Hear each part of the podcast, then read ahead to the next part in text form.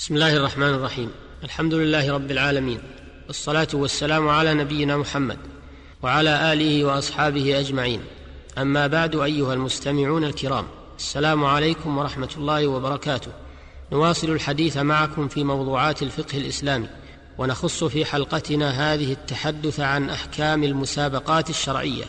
فالمسابقة هي المجاراة بين حيوان وغيره وكذا المسابقة بالسهام وهي جائزة بالكتاب والسنة والإجماع.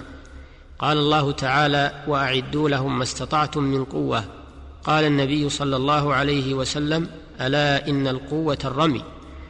وقال تعالى إنا ذهبنا نستبق أي نترامى بالسهام أو نتجارى على الأقدام. وعن أبي هريرة مرفوعا لا سبق إلا في خف أو نصل أو حافر. رواه الخمسة. فالحديث دليل على جواز السباق على جعل وقد حكى الإجماع على جوازه في الجملة غير واحد من أهل العلم.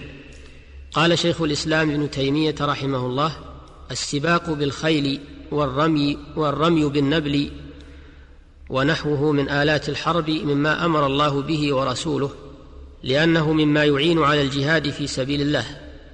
وقال أيضا السبق والصراع ونحوهما طاعة. إذا قصد به نصرة الإسلام وأخذ السبق أي العوض عليه أخذ بالحق ويجوز اللعب بما قد يكون فيه مصلحة بلا مضرة ويكره لعبه بأرجوحة. وقال الشيخ وما ألهى وشغل عما أمر الله به فهو منهي عنه وإن لم يحرم جنسه كالبيع والتجارة وأما سائر ما يتلهى به البطالون من أنواع اللهو وسائر ضروب اللعب مما لا يستعان به في حق شرعي فكله حرام. انتهى. وقد اعتنى العلماء بهذا الباب وسموه باب الفروسية وصنفوا فيه المصنفات المشهورة والفروسية أربعة أنواع. أحدها ركوب الخيل والكر والفر بها والثاني الرمي بالقوس والآلات المستعملة في كل زمان بحسبه. والثالث المطاعنة بالرماح. والرابع المداورة بالسيوف. ومن استكمل الأنواع الأربعة استكمل الفروسية. ويجوز السباق على الأقدام وسائر الحيوانات والمراكب. قال الإمام القرطبي رحمه الله لا خلاف في جواز المسابقة على الخيل وغيرها من الدواب وعلى الأقدام. وكذا الترامي بالسهام واستعمال الأسلحة لما في ذلك من التدرب على الحرب. انتهى.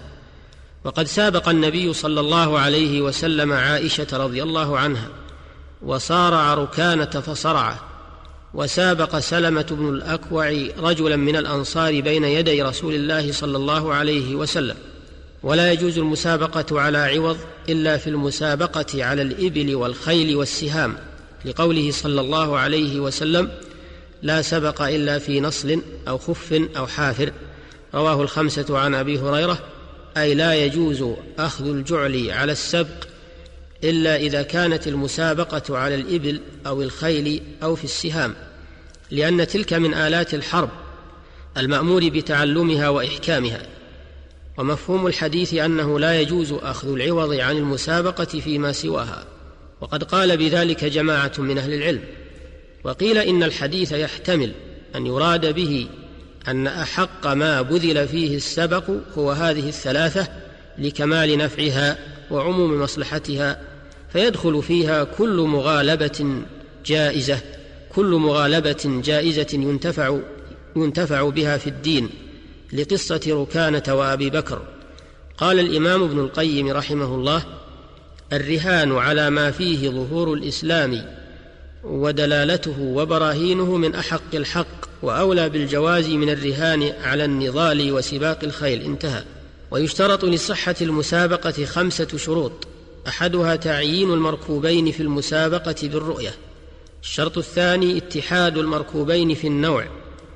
وتعيين الرماة لأن القصد معرفة حذقهم ومهارتهم في الرمي. الشرط الثالث تحديد المسافة ليعلم السابق ليعلم السابق والمصيب وذلك بأن يكون لابتدائها ونهايتها حد لا يختلفان فيه لأن الغرض معرفة معرفة الأسبق ولا يحصل إلا بالتساوي في الغاية. والشرط الرابع أن يكون أن يكون العوض معلوما مباحا والشرط الخامس الخروج عن شبه القمار. بان يكون العوض من غير المتسابقين أو من أحدهما فقط فإن كان العوض من المتسابقين فهو محل خلاف هل يجوز أو لا يجوز إلا بمحل وهو الدخيل الذي يكون شريكا في الربح بريئا من الخسران. واختار شيخ الإسلام ابن تيمية رحمه الله عدم اشتراط المحلل وقال عدم المحلل أولى وأقرب إلى العدل من كون السبق من أحدهما وأبلغ في حصول مقصود كل منهما وهو بيان عجز الآخر. وأكل المال بهذا أكل للمال بحق إلى أن قال وما علمت من الصحابة من اشترط المحلل وإنما هو معروف عن سعيد بن المسيب وعنه تلقاه الناس. انتهى كلامه رحمه الله. أيها المستمعون الكرام مما سبق يتبين أن المسابقة المباحة على نوعين. النوع الأول ما يترتب عليه مصلحة شرعية كالتدرب على الجهاد والتدرب على مسائل العلم وهذا يجوز أخذ العوض عليه. النوع الثاني ما كان المقصود منه اللعب الذي لا مضرة فيه وهذا مباح ولا يجوز أخذ العوض عليه. فالنوع الأول هو الذي يجوز أخذ العوض عليه بشروطه السابقة والنوع الثاني مباح بشرط أن لا يشغل عن واجب أو يلهي عن ذكر الله وعن الصلاة لكن لا لا يجوز أخذ العوض عليه. وقد توسع الناس اليوم في هذا النوع الأخير وأنفدوا فيه كثيرا من الأوقات والأموال وهو مما لا فائدة فيه للمسلمين. فلا حول ولا قوة إلا بالله وإلى الحلقة القادمة بإذن الله تعالى. السلام عليكم ورحمة الله وبركاته والحمد لله رب العالمين وصلى الله وسلم على نبينا محمد وآله وصحبه.